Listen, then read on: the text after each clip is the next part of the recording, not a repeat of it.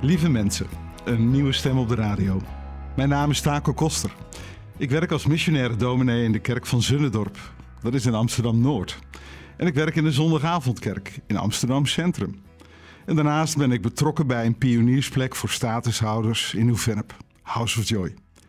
Ik vind het een voorrecht dat ik jullie vandaag mag meenemen in twee korte overdenkingen. Ik praat zelf over twee korte toespreekjes. Dat klinkt wel grappig, vind ik. En niet alleen vandaag, maar veel vaker. Ik kan starten met allerlei invalshoeken. Zeker ook vandaag, de dag van de verkiezingen.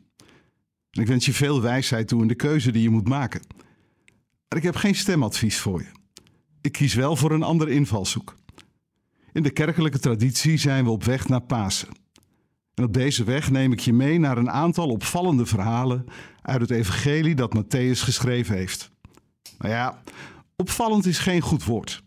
Eigenlijk gaan we op zoek naar de onopvallende personen die genoemd worden in dat grotere verhaal over het lijden en sterven van Jezus. Mensen die heel even in de spotlight komen, maar ook weer snel verdwijnen. De passion backstage, zo gezegd. Ik start in Matthäus 26. Je moet dat hoofdstuk maar eens lezen. Jezus zit aan tafel bij ene Simon. Hij wordt Simon met de huidziekte genoemd. Best vreemd. Hij is al lang genezen, maar dat etiket blijft aan hem kleven. En ik denk dan meteen, daar zijn we ook nu nog erg goed in. Iemand een etiket geven en iemand daar steeds maar weer op beoordelen.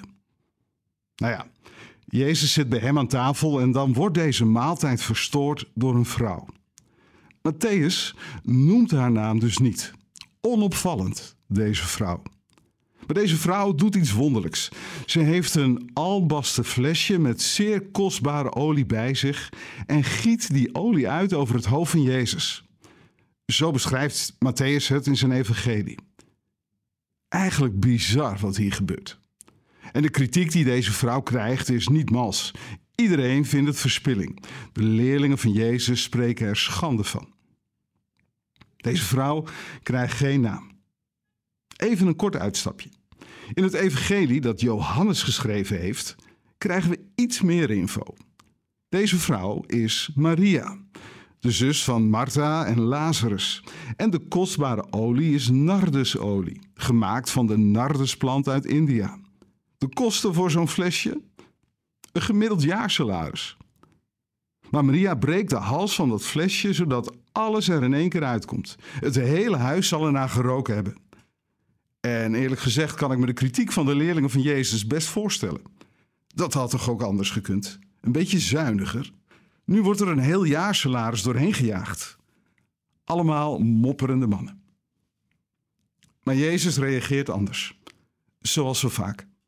Hij geeft haar een groot compliment.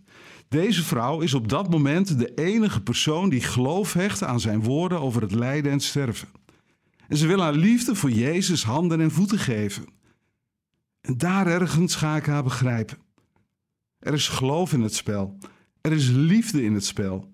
En wat is een van de kenmerken van de liefde? Het kan zomaar uit de bocht vliegen.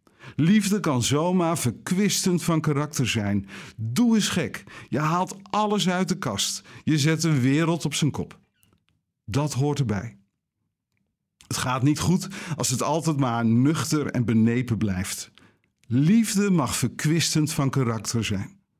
Begrijp me goed, je hoort me nu niet zeggen dat we er allemaal een jaarsalaris doorheen moeten jagen, maar ik stel je wel deze vraag. Hoe toon jij je liefde voor de mensen om je heen? En mag het je ook iets kosten? Verras een ander met verkwistende liefde. En, als je gelooft, hoe werkt dat in de relatie tot God, in de relatie tot Jezus? Hoe wordt jouw vreugde en jouw dankbaarheid tastbaar? Ik zou bijna zeggen, doe eens gek. Geloven is niet alleen iets van je verstand, je hart doet ook mee.